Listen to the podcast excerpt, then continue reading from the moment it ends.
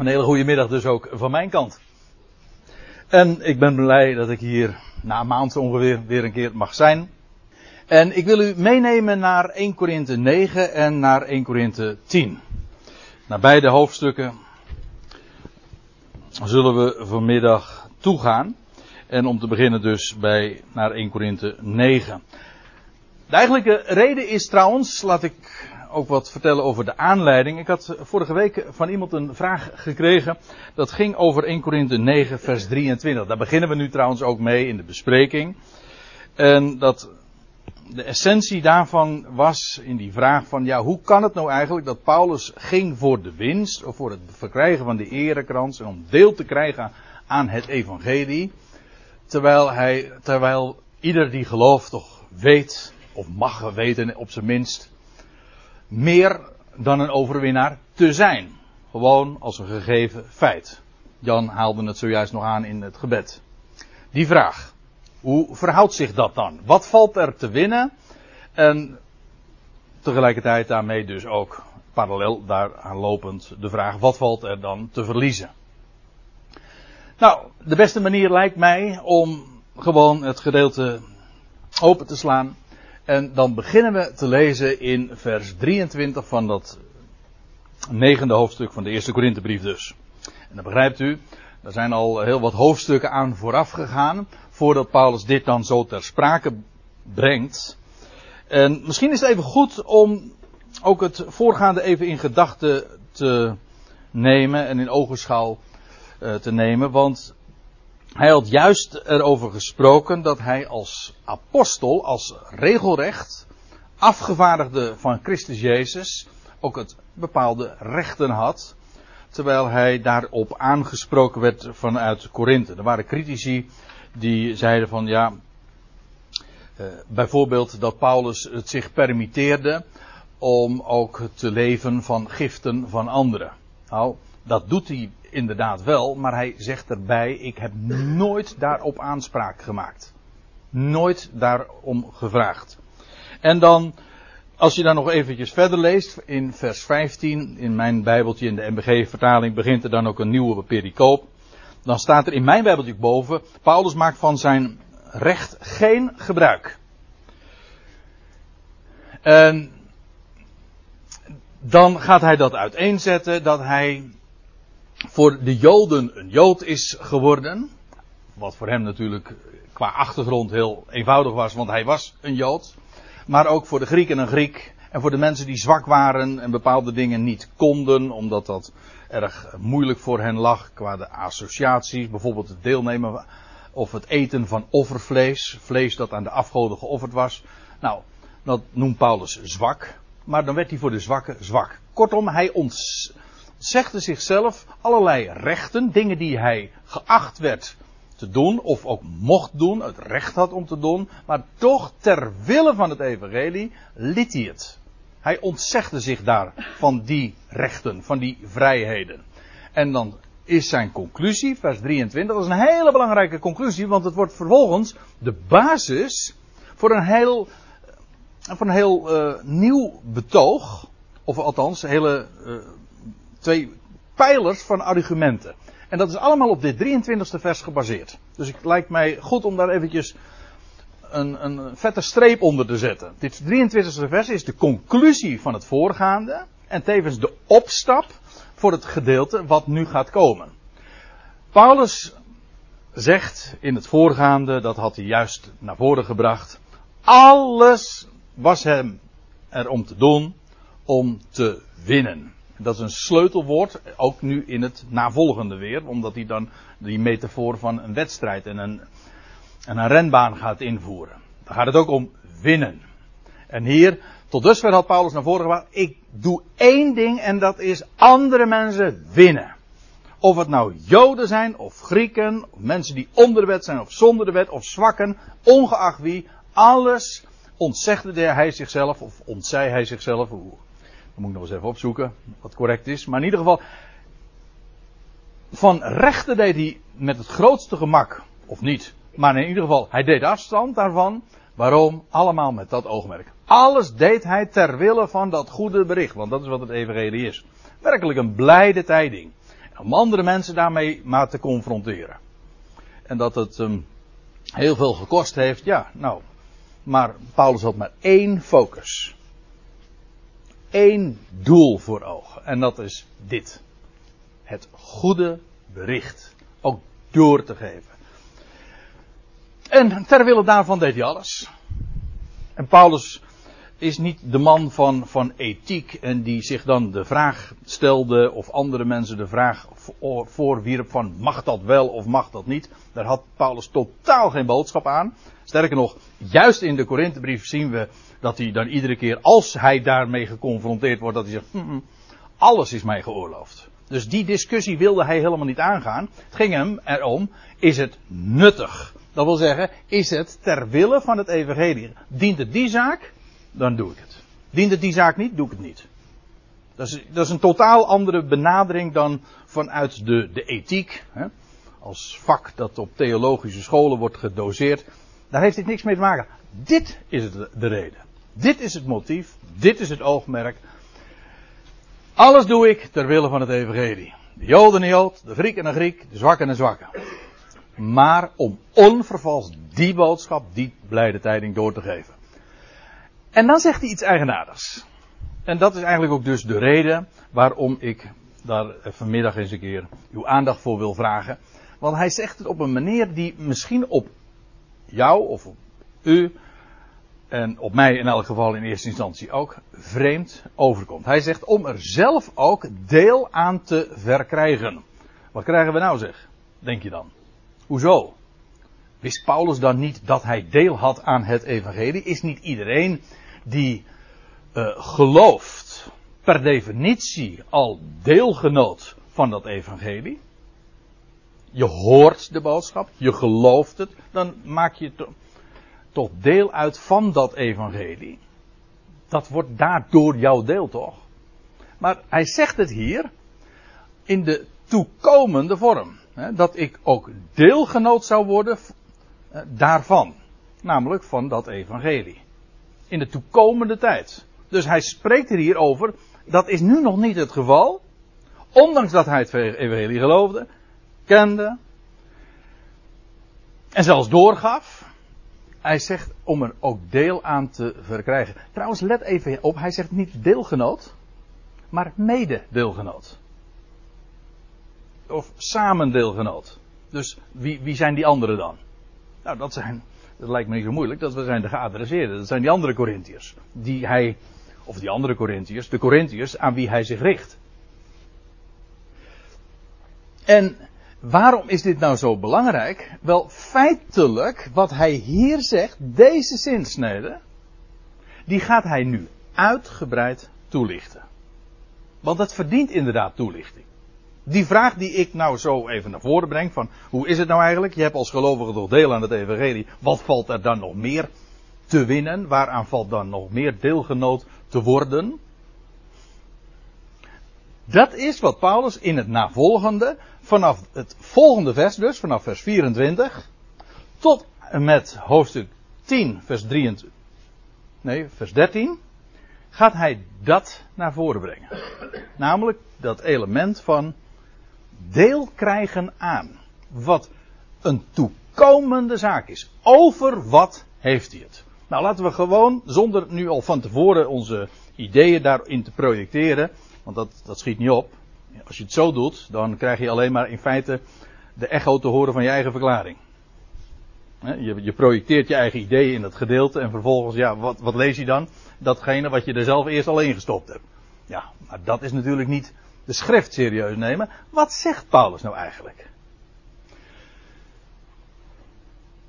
Nou, dan gaan we verder. Hij zegt, weten jullie niet, nou, dat is een typische Paulus-term, en vooral in de Korinthebrief. Hij zegt dat zo vaak, weten jullie niet? Daarmee veronderstelt hij dus allerlei dingen als bekend. Het evangelie begint ook met, ja, dingen weten. Je moet dingen weten. Als je het weet, ja, dan kun je het ook toepassen. Dan, kun je, dan, kun je dan heb je er wat aan. Dan kun je erop bouwen. Dan kun je erop vertrouwen. Maar het begint met weten. En soms, soms eigenaardig. Dan zegt hij tegen de Corinthiërs: Weten jullie dan niet dat jullie de wereld zullen oordelen? Weten jullie dan niet dat, dat we zelfs de engelen zullen oordelen? Zegt, hij zegt soms dingen Waarvan je denkt van, hé, hey, is dat dan zo? Maar die Corinthiërs wisten dat kennelijk. Het is een retorische vraag. Het wordt als bekend verondersteld. Hij zegt, weten jullie niet? En wat hij nu gaat doen, daar wil ik ook even op wijzen.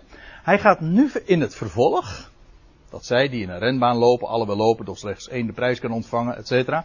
Wat hij nu gaat doen, is een menselijke, een algemeen menselijke illustratie geven. Namelijk het beeld van een sporter die deelneemt aan een, in een renbaan of in het algemeen een wedstrijd, een bokswedstrijd, ook dat beeld noemt hij. Maar goed, een, gewoon een voorbeeld uit het alledaagse leven. Een algemeen menselijke illustratie. Dus eerst heb je, heeft hij het principe uiteengezet. Namelijk, alles doe ik ter wille van het evangelie om er zelf ook mede deelgenoot van te worden. En dan vervolgens krijg je een algemeen menselijke illustratie, dat van een wedstrijd zoals gezegd. En vervolgens, en daar begint hoofdstuk 10 mee, maar goed, die hoofdstukindeling, daar moet je niet te veel van aantrekken. Want die is later voor het gemak voor de lezer aan toegevoegd. Ik bedoel, Paulus heeft niet gezegd van nou, nou begin ik met hoofdstuk 10. Nee, maar vanaf hoofdstuk 10 begint een nieuw gedeelte, maar dan gaat hij zijnzelfde punt weer maken, maar nu vanuit de schrift zelf. Dan zegt hij ook van, ik wil dat jullie weten, en dan gaat hij vervolgens de schrift openen. Dus eerst een algemeen menselijke illustratie, en dan vervolgens een illustratie vanuit de schrift, in dit geval de woestijnreis. En ditzelfde idee had hij al eerder in hoofdstuk 9 gedaan.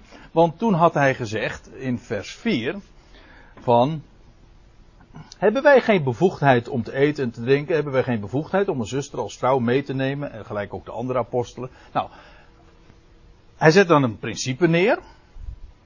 En vervolgens geeft hij daar argumenten van voor. Vanuit algemeen menselijk standpunt. Dan zegt hij ook bijvoorbeeld. Wie doet, ooit, wie doet ooit dienst in het leger en betaalt zijn eigen soldij? Wie plant een wijngaard zonder van de vrucht daarvan te eten? Of wie wijdt een kudde en geniet niet van de melk van de kudde?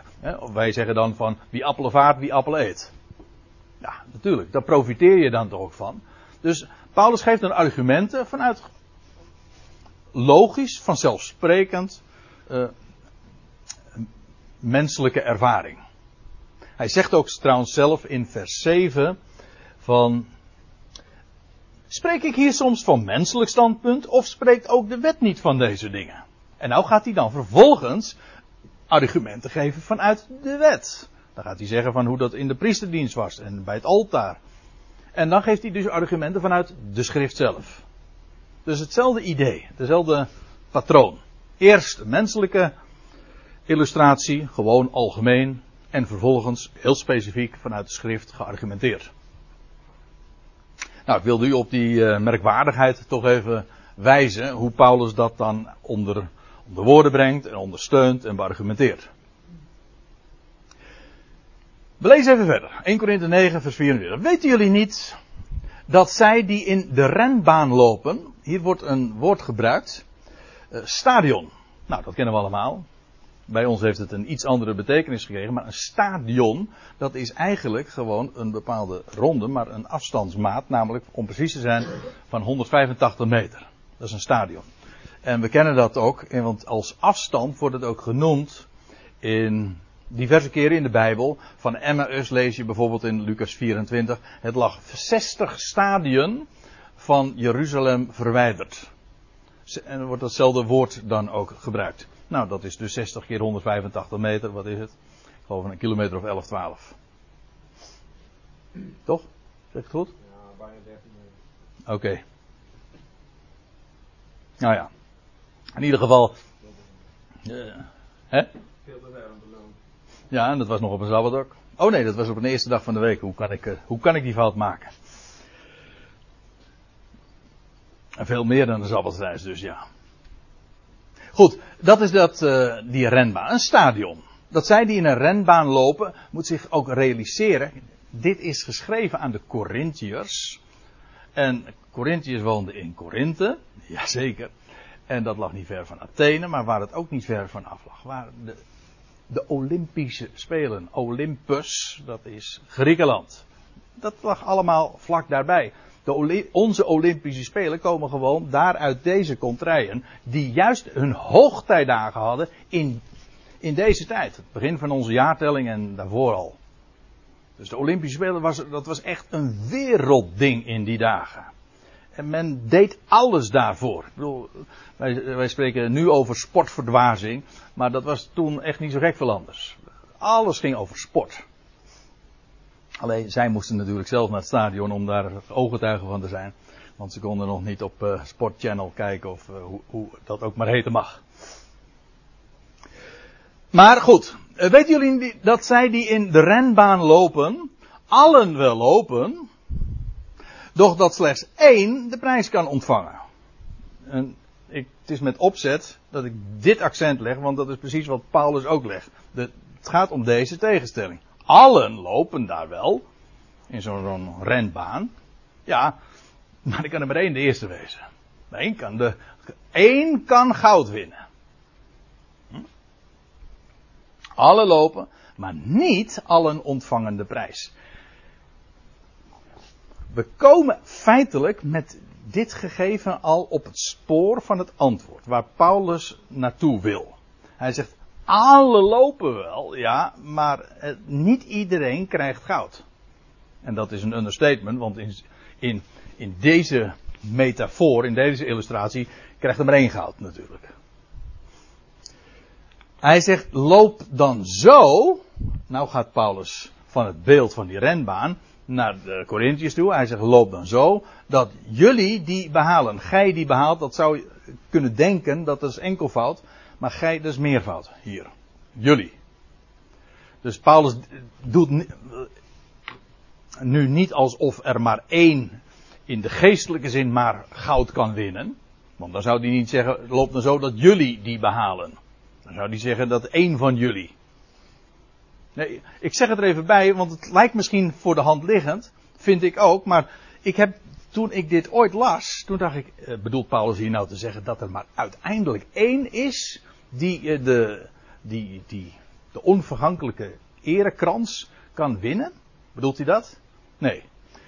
Hij gebruikt het beeld van een renbaan van waar alle lopen, maar niet allen winnen de prijs. Nou, en dan zegt hij, loop nou zo dat je de prijs behaalt. Hij bedoelt er niet mee dat er maar één is die dat haalt.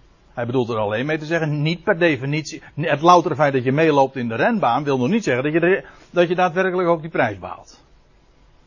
Daar gaat het hier even om.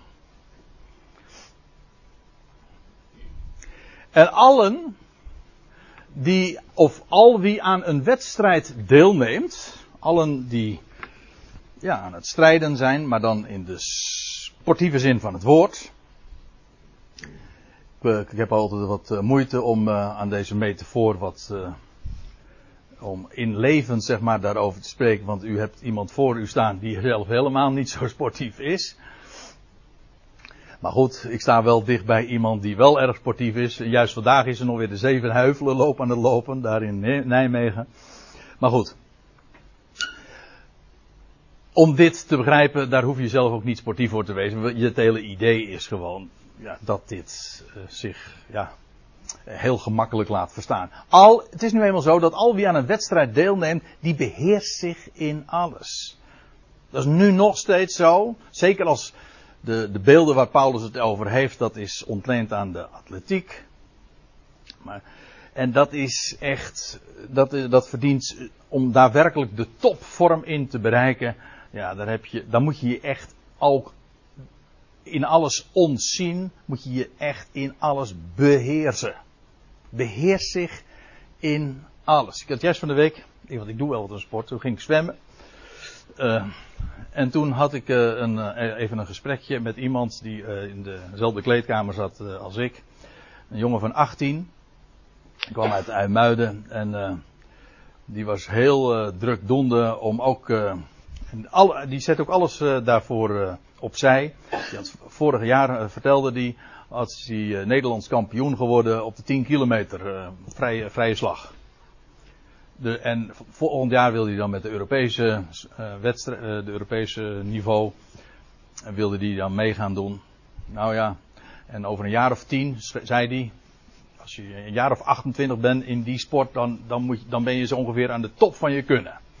Dus hij, maar hij had nog een hele weg te gaan. Maar het gaat er even om. Wat ik merkte wel, van, het was zo'n fanatieke jongen. Hij, echt, hij ons, ja, dat, ze zeggen dan, spreken dan over afzien. Maar dat afzien is eigenlijk, dat lijkt een negatieve begrip. Hè, van je kijkt naar niks. Maar eigenlijk is het vooral, je hebt, je, met recht, we gebruiken dat woord ook altijd. Uh, je bent gefocust op één ding. En omdat je maar één ding ziet, zie je van al het andere dus af. Dat is afzien. Afzien betekent, je ziet maar één ding. Eén ding telt en al is er van alles om je heen. Dat is waar het om gaat. Dat was natuurlijk in die Olympische wereld uh, net zo goed ook het geval. Dan moest je je ontzien in eten, lekker eten enzovoorts. Uh, echt zo'n sporter die naar de top ging, voor goud ging. Ja, die moet dat allemaal zich laten staan. Alcohol, zelfs in seksueel opzicht moest je allerlei dingen ont, ontzeggen. Trouwens, het louter feit dat Paulus dit beeld gebruikt, is ook daarin wel weer logisch. Want juist in het voorgaande van de brief had hij daar ook al over gesproken. het je onthouden van, van vlees. Zegt hij in 1 Korinthe 8. Hij zegt van, als, ik mijn, als, mijn, als het voor mijn broeder een valstrik is, dat wil zeggen een aanleiding tot vallen. Hij zegt, dan zal ik in de, tot in de aion geen vlees meer eten.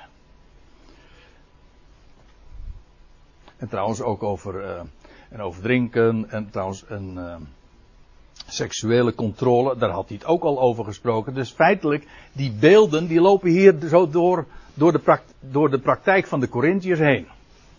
Zo van, nou, die kun je in je zak steken. Hm? Wie, in een, wie in een wedstrijd deelneemt, die beheerst zich in alles. Om, waarom? Om de top te bereiken. Zij om een onver, uh, om, pardon, zij om een vergankelijke erekrans te verkrijgen. Een vergankelijke lauwerkrans. Hier staat trouwens het Griekse woordje Stefanos. Ons, de naam Stefanus betekent gewoon niks anders dan een kroon. Namelijk een lauwerkroon. Of lauwerkrans. En hier ziet u, dit is ook zo'n beeld van uh, waarschijnlijk een Romeinse keizer, die ook heel dikwijls werden afgebeeld met zo'n lauwerkrans op het hoofd. En die waren gemaakt van, ja, het feit dat ze het lauwerkrans heet, dat betekent, dat komt omdat het uh, gemaakt was van uh, lau, laurierbladeren. Of van olijvenbladeren of van eikenbladeren las ik. En toen ik het zo las, toen dacht ik, hé, hey, wat zou daar toch achter zitten? Ik wil er nu verder niet te veel over zeggen. Maar een, een laurierblad, dat was een embleem van overwinning. Maar olijven heeft, hebben het olijfblad en olijf in het algemeen heeft te maken met onvergankelijk leven. U weet wel, is die boom die niet doodgaat. En een eikenblad. En ja, dat, heeft met, dat komt van een eik, jazeker. Maar een eik in de Bijbel heeft alles weer te maken met Gods eed. Het woord voor eed in de Bijbel, de eed die God zweert, zo bedoel ik het, is hetzelfde woord als voor eik. Vandaar ook dat Abraham altijd ging wonen bij een eik. God had zijn belofte gegeven en Abraham ging wonen bij een eik. En hij kreeg ook nog het, het, het teken van de besnijdenis. Waarbij ook de vrucht van de eik zichtbaar gemaakt wordt. Als ik het zo zeg, zeg ik het heel netjes en u begrijpt het. Hm? Maar ik vond het wel apart, zonder daar nu verder al te veel aandacht aan te geven, maar dat deze dingen, die, ja, dat was, had dan te maken met, met de erekrans. Die, die sporters die deden dat allemaal voor dit. Wij zeggen dan voor goud. Maar waarom goud? Omdat dat ook weer een beeld is van het onvergankelijke. Ja, want Paulus zegt van kijk, zij doen het allemaal om zo'n lauwerkrans. Ja, die, die op een gegeven ogenblik toch weer uh, af moet zetten. En dat is een vergankelijk ding, nietwaar? Trouwens, menselijke roem is sowieso heel vergankelijk. Want nou heb je die krans. Maar uh, over een jaar, als er weer spelen zijn, of over een paar jaar. dan mag je hem mooi weer inleveren en dan krijgt een andere. Ik het is vergankelijk.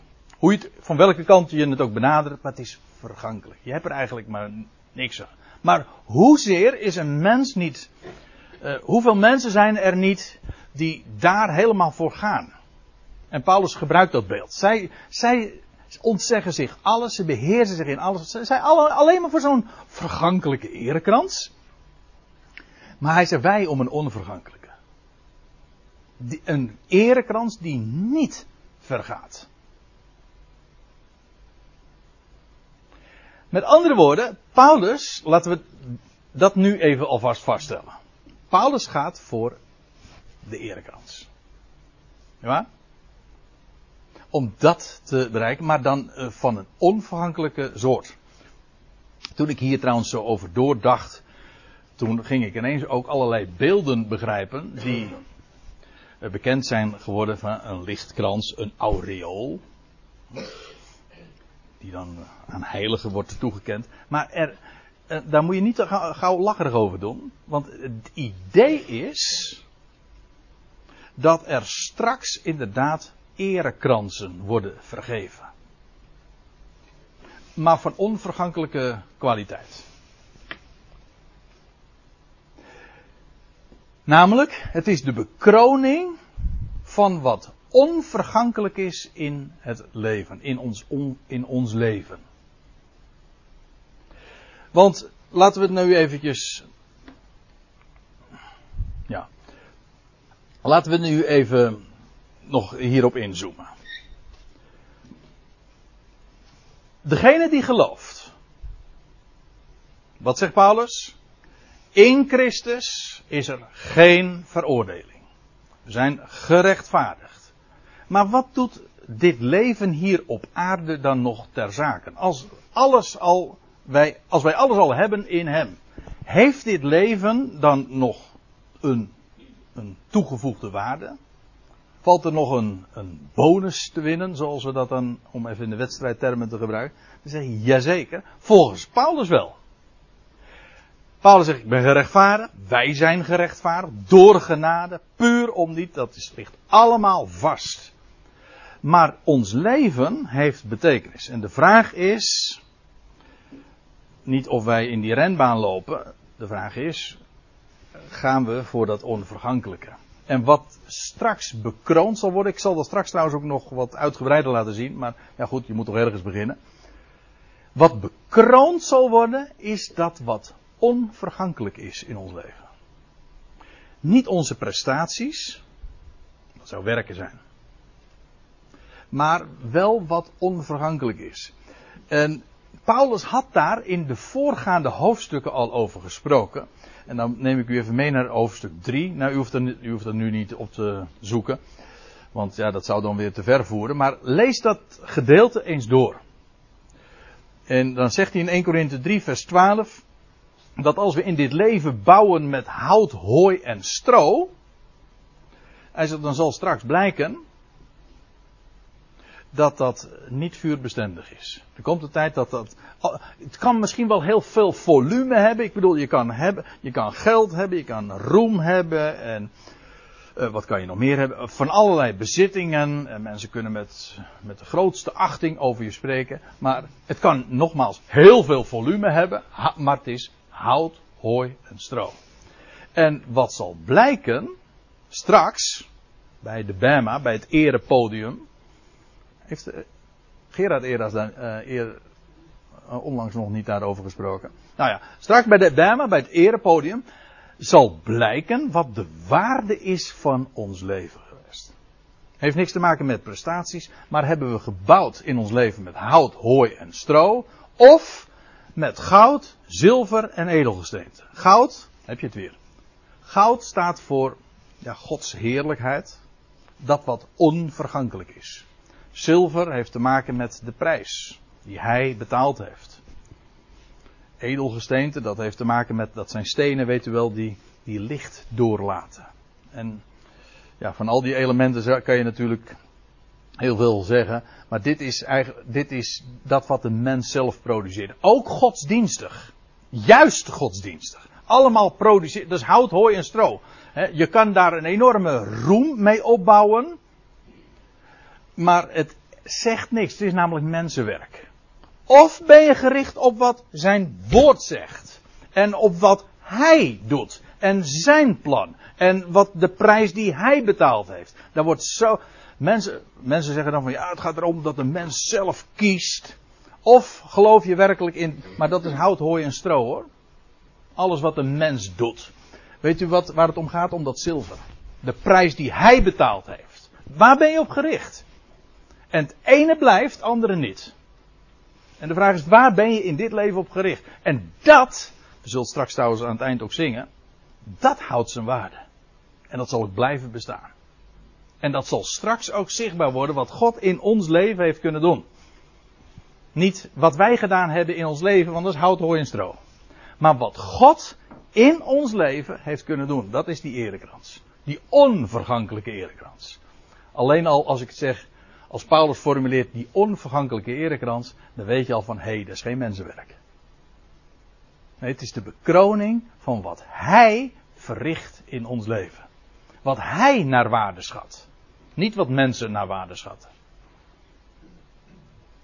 Nou ja, hier is de tegenstelling duidelijk. Velen lopen in die, eh, wet, in die renbaan. Maar zij doen dat om een, om een vergankelijke erekrans. Niks mis mee, maar goed, dat is menselijk. Maar waar het werkelijk om gaat, is dat er een, straks ook een onvergankelijke erekrans is weggelegd. Voor degene die zich in dit leven op het onvergankelijke heeft gericht. Kortom, gebouwd heeft met goud, zilver en edelgesteente. Ik zal u nog een paar voorbeelden geven van datzelfde woord dat Paulus hier gebruikt. Hier spreekt hij dus over die, die Stefanos, die, die onvergankelijke erekrans. In Filippenzen 4, vers 1, daar zegt hij, daarom mijn geliefde broeders, naar wie mijn verlangen uitgaat, mijn blijdschap en kroon. Hier gebruikt hij weer dat woordje Stefanos. Mijn erekrans dus. Hij zegt, staat al zo vast in de Heer, geliefden. Mooi hè? Dat hij zegt, sta zo vast in de Heer. Wat is wat, waar het om gaat? Is niet dat je, niet dat je beweegt, een heleboel doet. Nee, dat je vaststaat. Waarom? In die genade van Hem. In dat wat Hij doet en wat Hij gesproken heeft. Sta daarin vast. Geliefden, weet dat je geliefd bent. Niet waar, dubbele? en kijk, hij noemt die Filippiërs, daar, daarom uh, noem ik het ook even. Hij noemt die Filippiërs, hij zegt, jullie zijn mijn krans. Mijn erekrans. Wat God heeft mij gebruikt om jullie het woord door te geven. Dat is geen prestatie van Paulus. Hij zegt, maar het is wel wat God door mij heen heeft mogen doen. Hij zegt, jullie zijn mijn erekrans. In 1 Thessalonica 2 vers 19 zegt hij iets soortgelijks. Want wie is onze hoop of blijdschap of erekrans? Stefanos. Voor onze Heer Jezus bij zijn, of in zijn parousia. Wie anders dan jullie? Weer ziet hij dat wat God door, door jou, door mij, door jullie heeft bewerkt. Hij zegt dat, dat is die erekrans. Dat zal straks blijken. Straks zal blijken hoezeer dat Gods werk is geweest. En dat, ik da dat je betrokken bent in zijn werk. Nou, ik lees even verder. Hij zegt, ik loop dan ook niet, maar in den blinde. Weer eventjes beeld van die renbaan. Hè? Hij zegt, ik loop maar niet in den blinde. Of uh, letterlijk uh, op een onduidelijke wijze. Iemand die in een renbaan loopt, die weet heel goed waar hij het voor doet. Die heeft één, één ding voor ogen. Hè? Die focus waar we het over hadden. Hij, hij zegt, die loopt niet zomaar, zomaar in het wilde weg. Nee, elke stap en zelfs elk onder, onderdeel van de stap en hoe je je armen uh, beweegt en kortom, over alles is nagedacht. Elk detail, want alles stelt. Dus waarom? Omdat je dat ene doel voor ogen hebt. En ze klopt dan maar niet in de blinde. Zegt, ik ben ook geen vuistvechter die zomaar in de box in de, in de lucht slaat. Boksen. Nee, iemand die een geoefende bokser, een vuistvechter dus. Ja, die, die, die, ja, ze spreken toch niet voor niks over een echte treffer. Dan betekent dat je echt doelgericht, dan, dan weet je perfect wat je doet. Kortom, daar is op getraind. Waarom? Om te winnen. Nou, daar ging het Paulus om. Ik ben geen vuistvechter die zomaar in de lucht slaat. Kortom, Paulus zijn hele leven was echt dus, ging voor goud. Dat is wat Paulus hier zegt. Als hij dat niet zegt, waar, waar, waar, waar gaat het dan wel over? Dan mag dat zou u me dan toch eens moeten vertellen. Ik, het mooie ervan vind ik vooral. Dat Paulus dus zijn leven hier op aarde. Hij wist zich zeker in Gods hand, in Christus, gerechtvaardigd. En dit leven had voor hem betekenis. Elke dag omdat het allemaal straks zal blijken of het onvergankelijk is. Waarde zal blijken te hebben straks. Niet of het nu waarde heeft. En weet u, het, het kan zo, het kan gek gaan hè, in de wereld, in, in je leven. Maar allerlei dingen die nu zo belangrijk blijken, zullen uiteindelijk volstrekt onbelangrijk zijn. En omgekeerd allerlei dingen die totaal onbelangrijk nu lijken, zullen straks echt ertoe doen. En ik van de week, dat was ook van de week, dat is een heel ander verband. Maar toen hoorde ik nog die uitspraak, ik had hem al, hij is al vaker voorbij gekomen. En het kan haast een cliché zijn, maar het is zo waar. Hij zegt, dat ging erover dat iemand zei van, als iemand op zijn sterfbed ligt, zal die nooit zeggen, ik had meer tijd aan mijn carrière of aan mijn werk moeten besteden. Dat hoor je nooit. Wat je wel vaak hoort is, ik had meer tijd aan mijn vrouw, mijn kinderen moeten besteden. Ik bedoel gewoon, dat is, nu zeg ik dat ook weer als een algemeen menselijke illustratie. Kortom, aan het eind pas, dan, dan kun je het echt zuiver zien. Dan pas zie je echt van, ja, wat, wat doet het er nou eigenlijk toe? Dat is nu ook zo. In dit beeld. Waar gaat het nou eigenlijk om? Dat zal straks blijken bij de Bema. Straks in de opstanding, dan zal blijken wat ons leven voor waarde heeft gehad. Is dat dan hout, hooi en stro? Of is het goud, zilver en edelgesteen? Of, om in dit beeld te blijven, die erekrans. Onvergankelijke erekrans. Nee, zegt Paulus, hij ik ben geen vuistvechter die zomaar in de lucht slaat.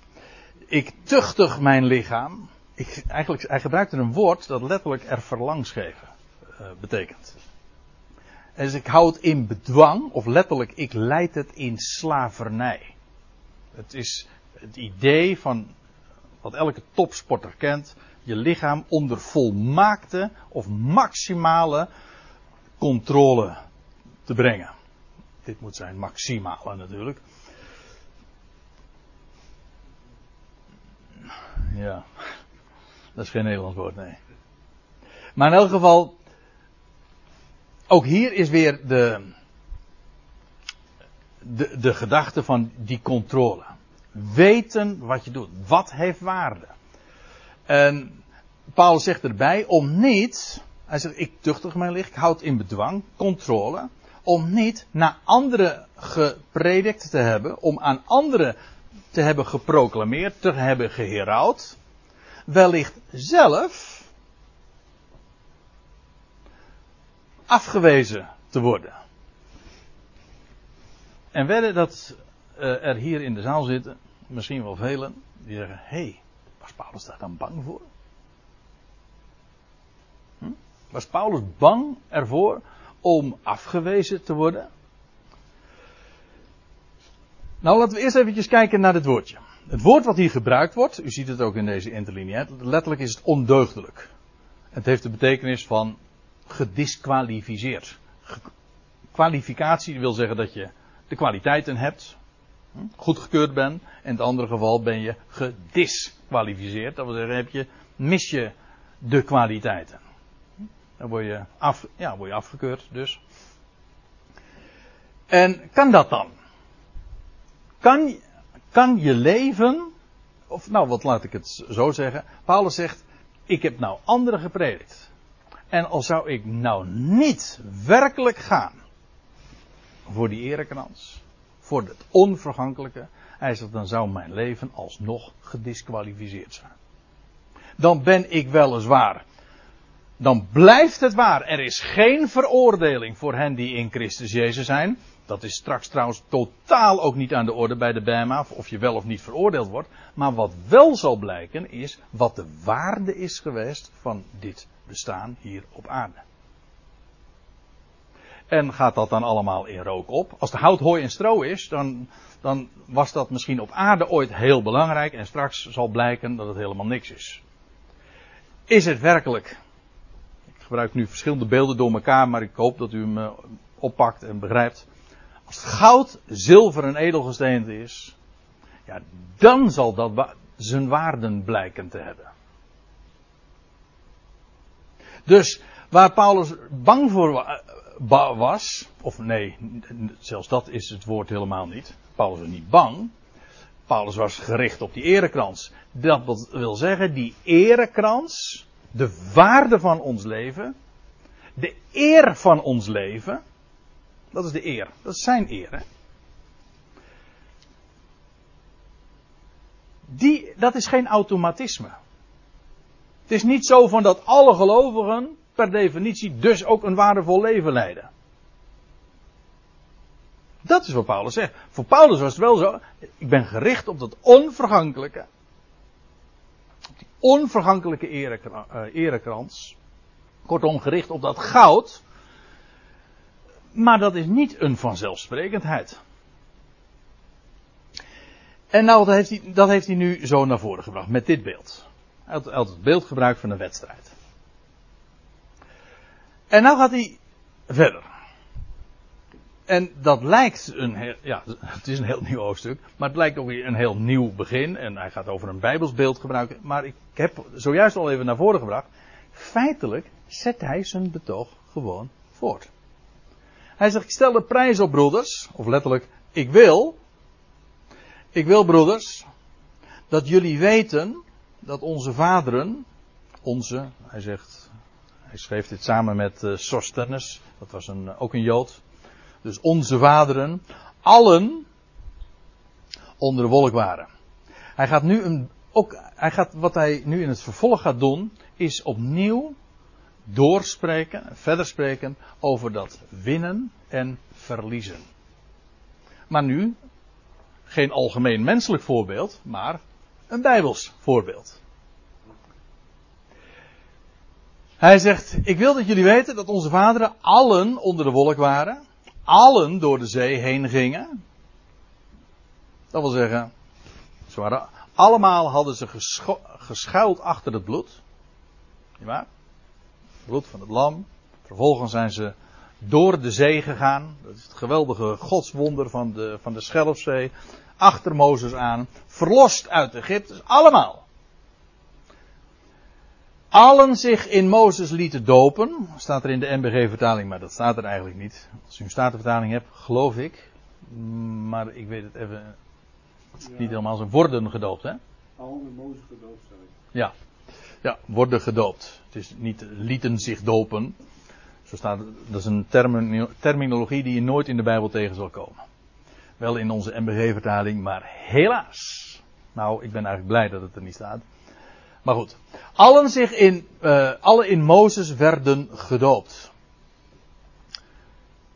En, uh, en, dat is ook een van de thema's in de Korinthebrief, want als die dan uh, even later zegt, dat is hoofdstuk 12, dan zegt hij, want wij, wij allen zijn in één geest tot in één lichaam gedoopt. Dat zijn Joden, dat zijn Grieken. Dat zijn slaven, dat zijn vrije. Even voor de goede orde, dat is geen doop in water, maar dat is een doop in geest. Hm? Ja. En als je zijn geest ontvangt, word je in die geest gedoopt. Tot in één lichaam. Er komt geen druppel water bij te kijken. Maar Paulus gebruikt nu dit beeld van die Israël, verlost uit Egypte, achter Mozes aangaan. Ze zijn allen in Mozes, werden ze gedoopt in de wolk. En in de zee. Nou, dat was geen letterlijke waterdoop natuurlijk. Maar het gaat om het beeld. Maar in ieder geval, dat is het waar Paulus dit uh, voor opvoert. Ze waren dus allemaal verlost. Allemaal waren ze gedoopt in Mozes, tot in Mozes, in de wolk, in de zee. En allen hetzelfde geestelijke voedsel aten. Wat voor voedsel was dat? Dat was dat manna uit de hemel. Vandaar ook dat hij zegt, het was geestelijk voedsel feitelijk. Manna spreekt van het woord dat uit de hemel komt.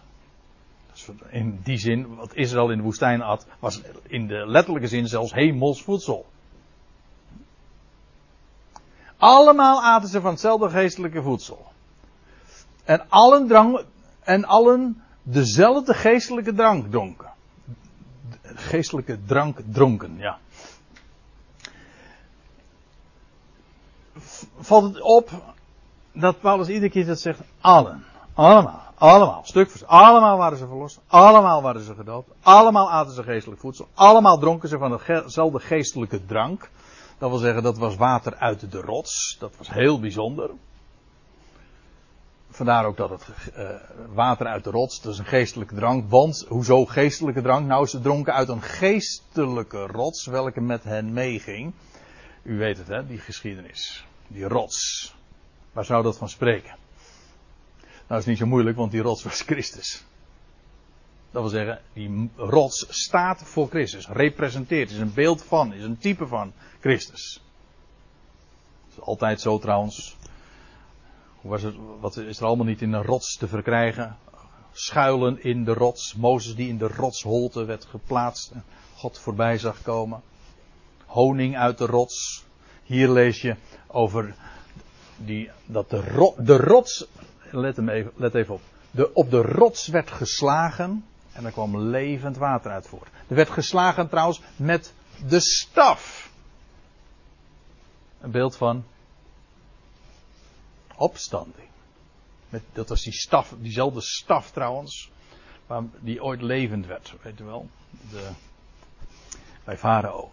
Die staf. Die, diezelfde staf trouwens, die hij ooit omhoog hield.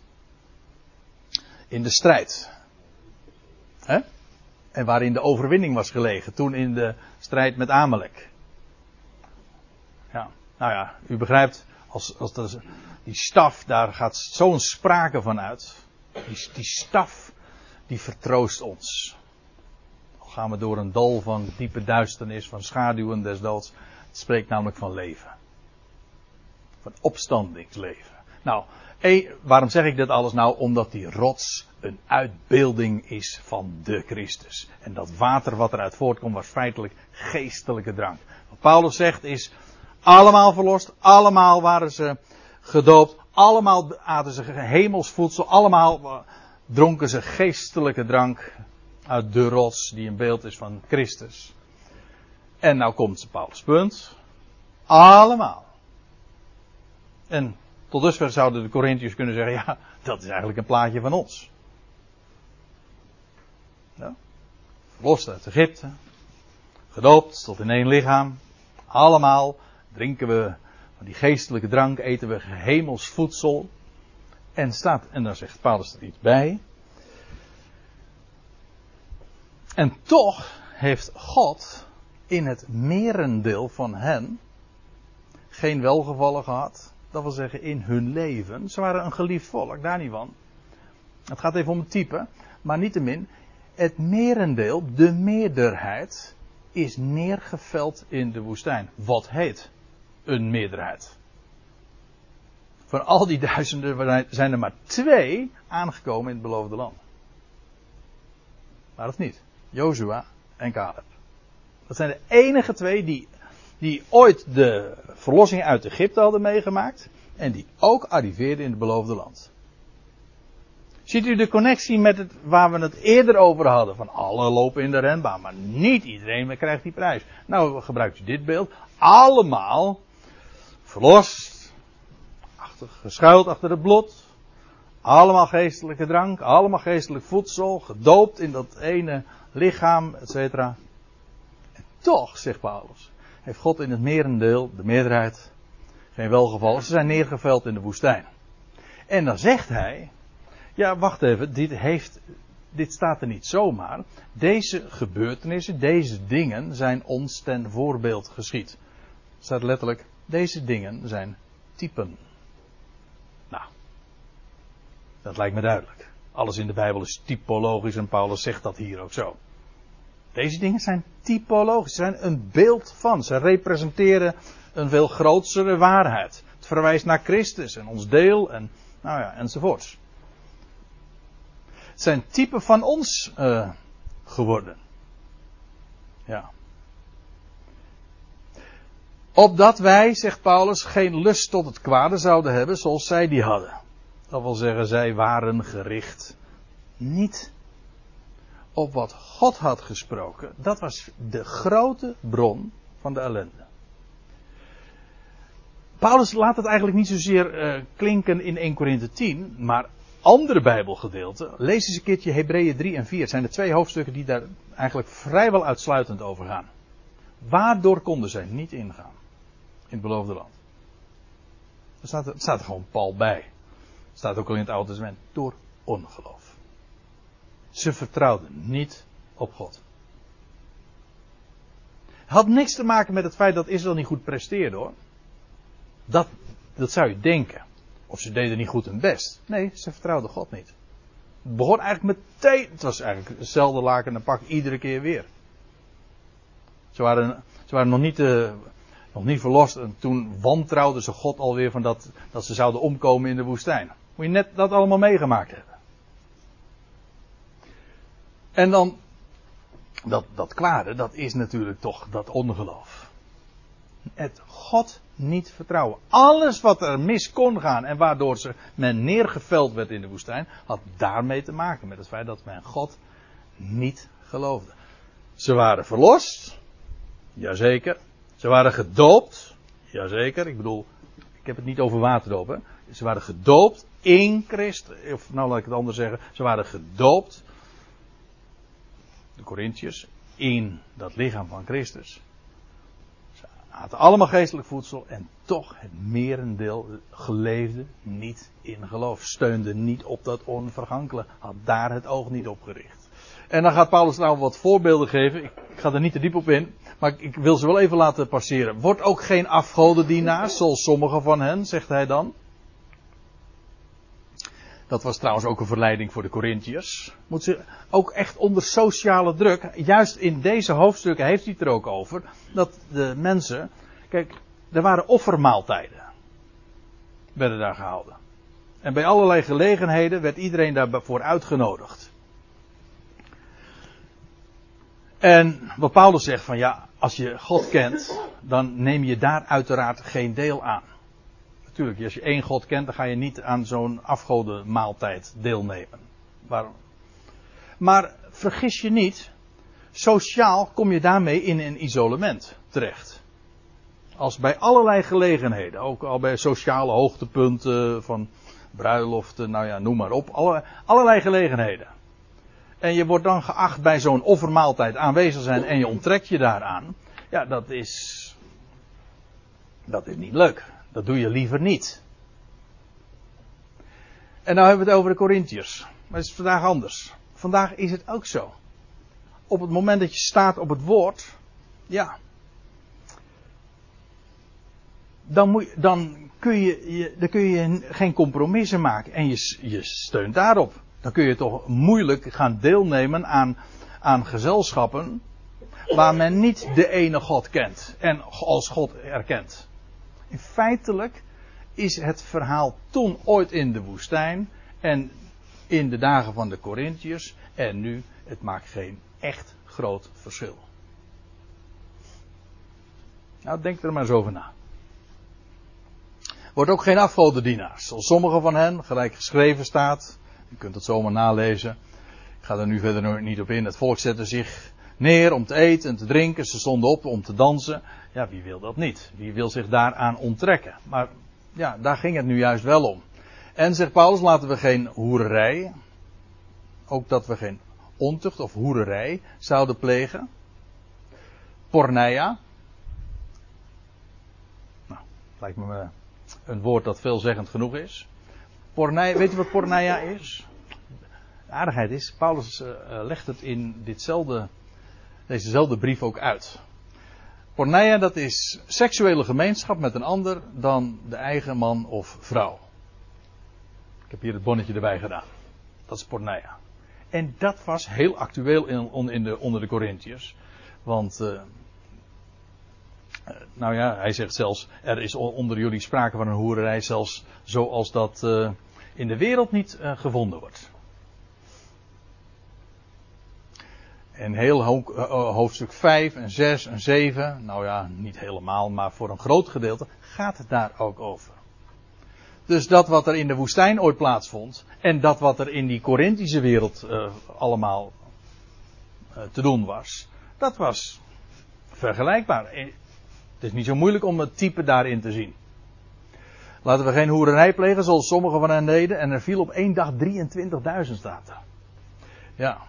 En we weten zelfs uit nummer 24, 25 zelfs 25.000. Uiteindelijk. Niet in één dag, maar goed.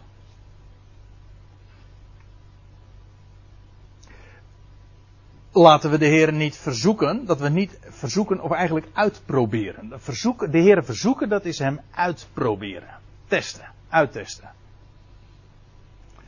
En Paulus doelt hier ook op verschillende geschiedenissen, want eigenlijk deden ze dat diverse keren. Ze, waren, ze verachten het geestelijke voedsel. En al die dingen waar het hier, die hier genoemd worden, we krijgen er straks nog eentje. Het heeft allemaal te maken met ongeloof. Niet vertrouwen op wat God gesproken heeft. En voor het oog, en voor het oor, en voor het gevoel, let op, voor het gevoel is het allemaal zo vanzelfsprekend. Het lijkt zo aannemelijk uh, dat wat zij deden. Maar u weet het, ze kwamen om door de slangen. En Paulus zegt er dan nog mee, een mort niet hele. een van de kenmerken van vertrouwen, van geloof, is dat je vrede hebt. Ik gaf zojuist die voorbeelden van Joshua en Caleb. Dat waren van die twee kerels. Uh, die, nou ja, het zou mooi zijn om daar eens een keertje diverse schriftgedeelten voor aan te voeren. Maar dat waren mensen die vertrouwen hadden op God. Ze hadden, u weet het, hè, ze waren het waren twee van de verspieders. En toen kwamen ze terug. En al die verspieders, nee, dat gaat, gaat niet goed. Want we hebben daar mensen gezien als reuzen. En dat kunnen wij nooit in. Dat kunnen we nooit uh, verslaan. Dat, kunnen we, dat land kunnen we niet innemen. En wat zeiden Jozua en Caleb? God heeft het gesproken. Dat we dit krijgen. Gewoon gratis voor. Hij heeft beloofd. Dus gebeurt dat ook. Voor het oog hadden Joshua en Caleb verschrikkelijk ongelijk. En waren ze niet realistisch. En hadden ze geen gevoel.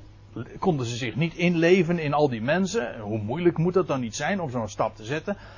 Je zou zo een hele rits van allemaal argumenten tegen Joshua en Caleb op een rijtje kunnen zetten. Maar Joshua en Caleb hadden gelijk. Ze hadden rust. Vertrouwen. God had gesproken. En Caleb aan het einde van zijn leven, je leest het, dan is hij inmiddels een vent van 84. En dan blijkt hij nog zo fris als een uh, hoentje te zijn. Hoe zeg je dat? En een jonge man, eh, waarom? Oh, en dan lees je ook van dat hij steunde op God. Hij was nog in zijn oude, uh, hoe staat dat in zijn oude dagen, was hij jong van geest gebleven. Fris. Waarom? Omdat hij putte uit de bron, een onvergankelijke bron. Hij mopperde niet. Heil het volk. Was toch altijd mopperen? Ondankbaarheid. Als je, als je Gods genade kent, als je staat in dat fundament van de genade, dan heb je altijd reden om te danken. Sta daar gewoon in. Heb je altijd reden om te danken. Altijd reden om blij te zijn. En dan weet je, de dingen die tegen lijken, dat is alleen maar schijn. En dus kun je ook daar op voorhand God al voor danken. En de clue is, vertrouw je hem echt? Je kunt wel zeggen, je kan wel van geestelijke drank drinken en geestelijk voedsel tot je nemen enzovoorts. Ik kan zeggen, ik ben verlost. Ja, zo wat. Maar dat geeft je. Het feit dat je ooit overtuigd bent in je hart, wil niet zeggen dat je leven vandaag waardevol is. Je kan je vandaag gewoon bezighouden met volstrekt waardeloze dingen. Ook al is het hartstikke godsdienstig. Ja. Maar één ding raak je kwijt en dat is je dankbaarheid. Mord niet zoals sommigen van hen deden. Ze kwamen om door de, letterlijk staat er, de uitroeier. De verderver.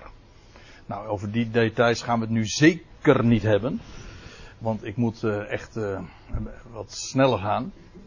Er staat nog dit bij. En dat Paulus dit zegt. En dit is hun, daar, die Israëlieten in de woestijn, overkomen. Tot een voorbeeld voor ons. Letterlijk staat er gewoon typicos. Eigenlijk gewoon typologisch. Dit is hun typologisch overkomen.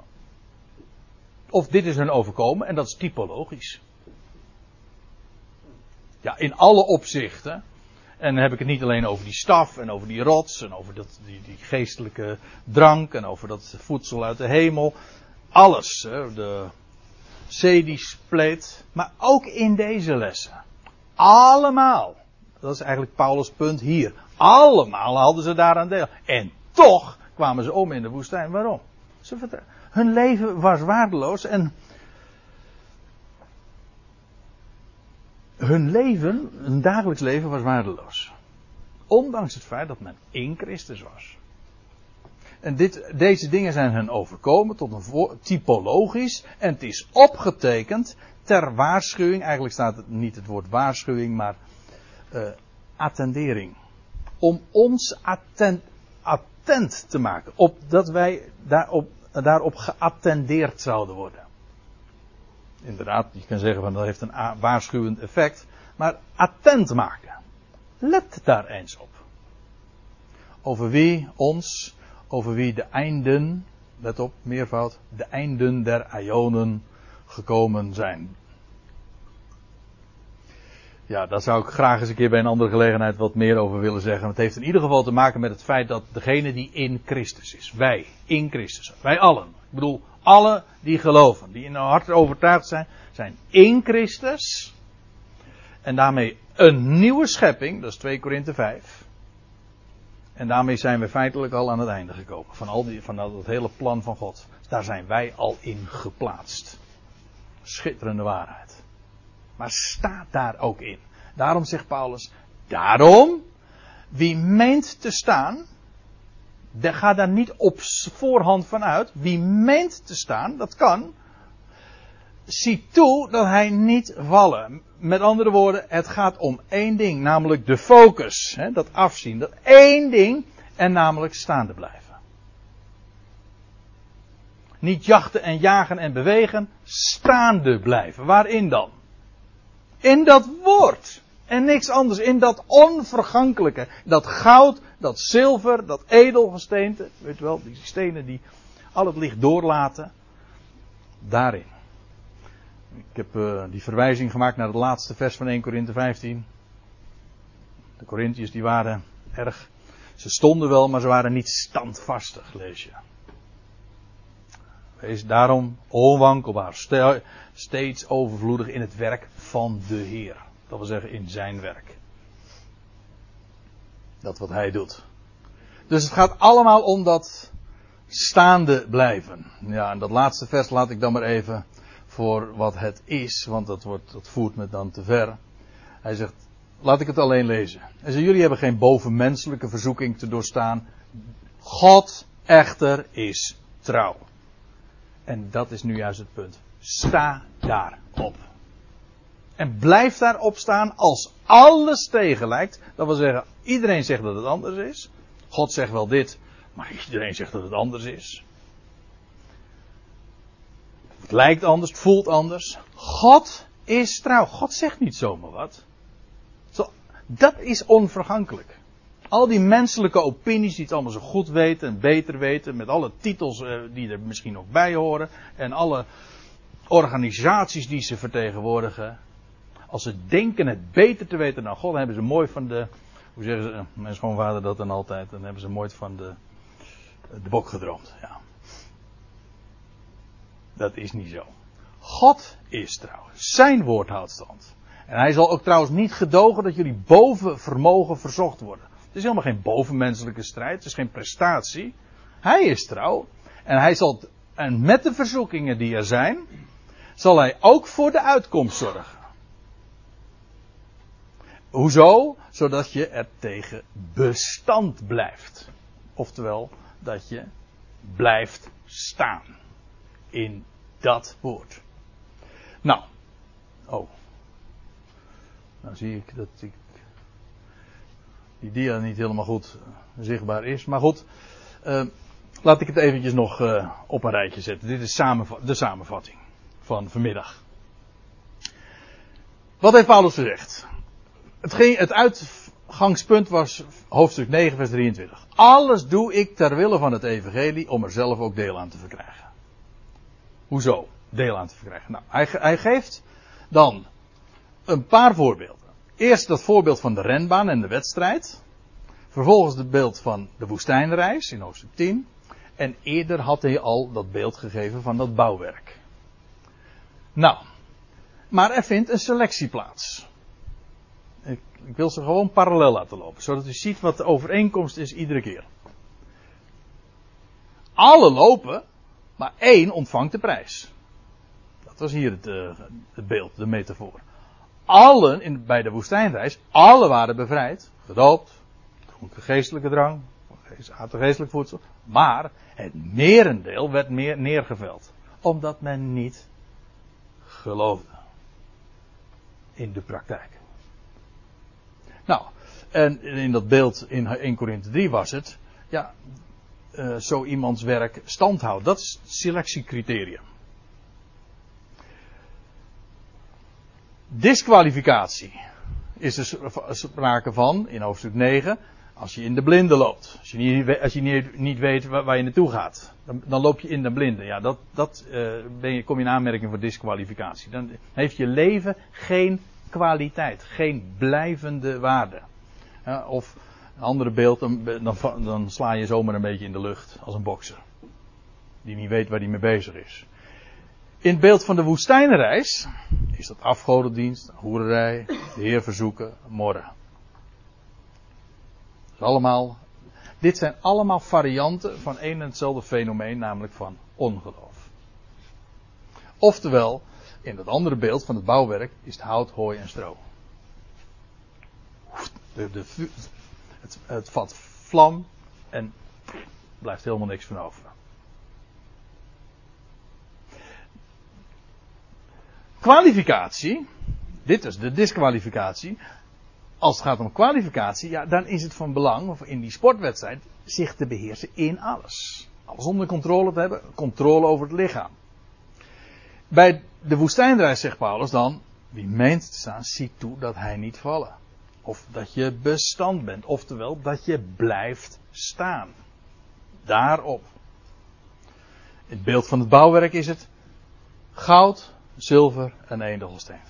Dat is het enige waar het om gaat. Het onvergankelijke. En dan krijgt elke dag ook werkelijke betekenis. Waarde. Gaat het elke dag ook schitteren. Zijn licht gaat dan schitteren. En mag je spreken van de prijs die hij betaald heeft. Voor allen. En van zijn heerlijkheid. En dan wordt dit leven hier, wat helemaal vergeven is van, on, van vergankelijkheid, van alles gaat voorbij, krijgt dan een onvergankelijke waarde. Nou, en dan ben je bij de laatste kolom. Hier is het beeld. Wat wacht is de prijs, de erekrans, de Stefanos. Wat hier wacht, dat is stilzwijgend eigenlijk de gedachte in 1 Korinthe 10. Het beloofde land. Wat dus het merendeel, wat heet, eh, niet bereikte. En in 1 Korinthe 3 wordt ook al gesproken over loon. En weet u wat God beloont? Dat is het werk wat hij zelf gedaan heeft. Dat vind ik nog het allermooiste. Zodat het helemaal geen enkele menselijke eigen en eigen eer is. Het is geen prestatie. Het is steunen op wie hij is en wat hij verklaart. Op zijn belofte, zijn leven, zijn prijs. Daarin te staan, laat je er niet van afbrengen. En dat is wat ik nou vanmiddag uh, naar voren heb willen brengen, waar Paulus het om ging.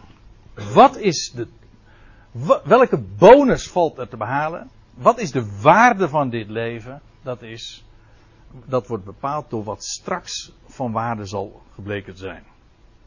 In dit leven. Dat is het onvergankelijke. Nou, dat is wat Paulus eh, zo in deze brief naar voren brengt. En ik hoop daarmee ook eh, antwoord gegeven te hebben zo op eh, een aantal vragen. De bovenste van niet-Jood en de, van Jood. Ja? Ehm, ja, zo zou je het ook nog kunnen zeggen. Dit is een algemene uitspraak voor de natie en voor iedereen begrijpelijk. En dit is, eh, gaat specifiek over Israël. Maar dat was eigenlijk niet zozeer mijn punt. Het ging er meer om: dit is een algemeen menselijk beeld voor iedereen. En dit refereert aan dingen die in de schrift ook naar voren gebracht worden.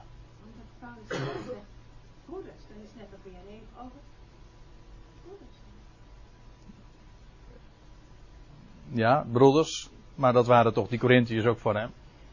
Niet naar het vlees dan weliswaar, maar. Ja? Zijn er nog meer dingen die. Uh, ja, ik, ik, ik, realiseer me dat terwijl ik deze dingen zo uiteenzet, dat uh, het ook weer inderdaad weer andere vragen uh, op kan roepen. En ik kan, waar ik weet, er is één ding waar ik graag nog wat meer over had willen zeggen, maar, maar dat moeten we voor een andere keer nog maar eens een keertje, moeten we daarover doorgaan. En dat is wat die onvergankelijke erekrans dan is straks. Straks zijn we een onvergankelijk opstandingslichaam. En daar zijn, maar er zijn ook kransen. Dat wil zeggen, er zal, uh, zal er nog zichtbaar zijn. Hoe zal het zichtbaar zijn? Wat God in ons leven hier op aarde gedaan heeft. Het is onvergankelijk, dus dat blijft. Dus, daarom zei ik van laten we niet zo met dédain en verachtelijk spreken over al die oude uh, beelden van dat riool. Laten we eerst eens een keertje de vraag stellen van wat is het dan wel? Als je dat al zou verwerpen. Dubbele. Yes. Het is alles ons gegeven. Yes. We hoeven niks. Nee. Het is klaar. Yes. En uh, toch heb ik het idee. Uh, er zit werk achter op een of andere manier. Hierin? Ja. Zeg ik het verkeerd? Nee. Voelt ja. dat anders aan? Maar ik heb het idee, kijk, als je, als je die wedloop loopt, die, die sporters die zorgden ervoor dat ze alles, van alles ontdaan waren. En Ja. dat ze echt in topconditie waren. Ja. Maar, maar toch, eh, ja, het is klaar. We Ja. zijn in hem en eh, we hoeven niks meer. Maar toch moeten we die, die, die, die, die lopen. Ja, ik, ja ik, ik denk dat ik jouw eh, vraag heel goed begrijp. En wat ik nu vanmiddag gedaan heb, is, ja, die versen ben ik zo langsgelopen, zinsdeel voor zinsdeel, soms woord voor woord. Wat mij zo opvalt, altijd weer in de brieven. Ik heb vorige week in Soetermeer gesproken, toen ging het over Colossens 2.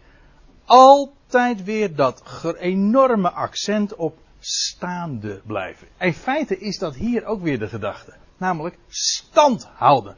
Want wat jij nu zegt, dubbele, is het is alles genade. Alles is genade. Ja. Maar wat betekent dat nu voor ons vandaag?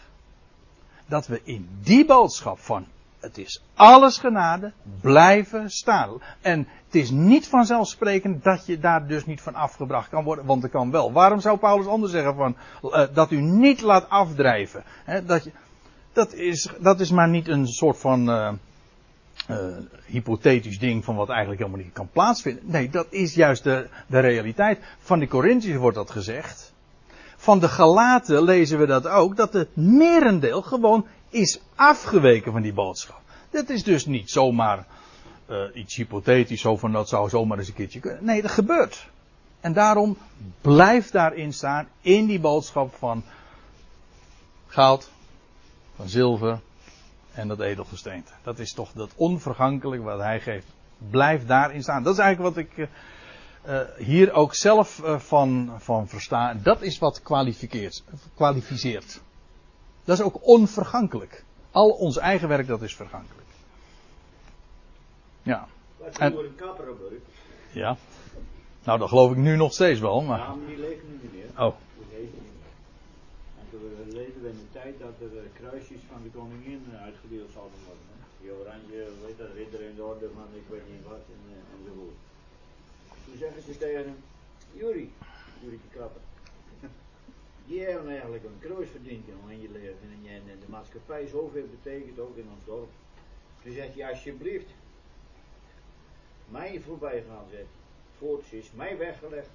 de kroon der genade die de Vader voor God mij geven zal. En ieder die zijn naam heeft.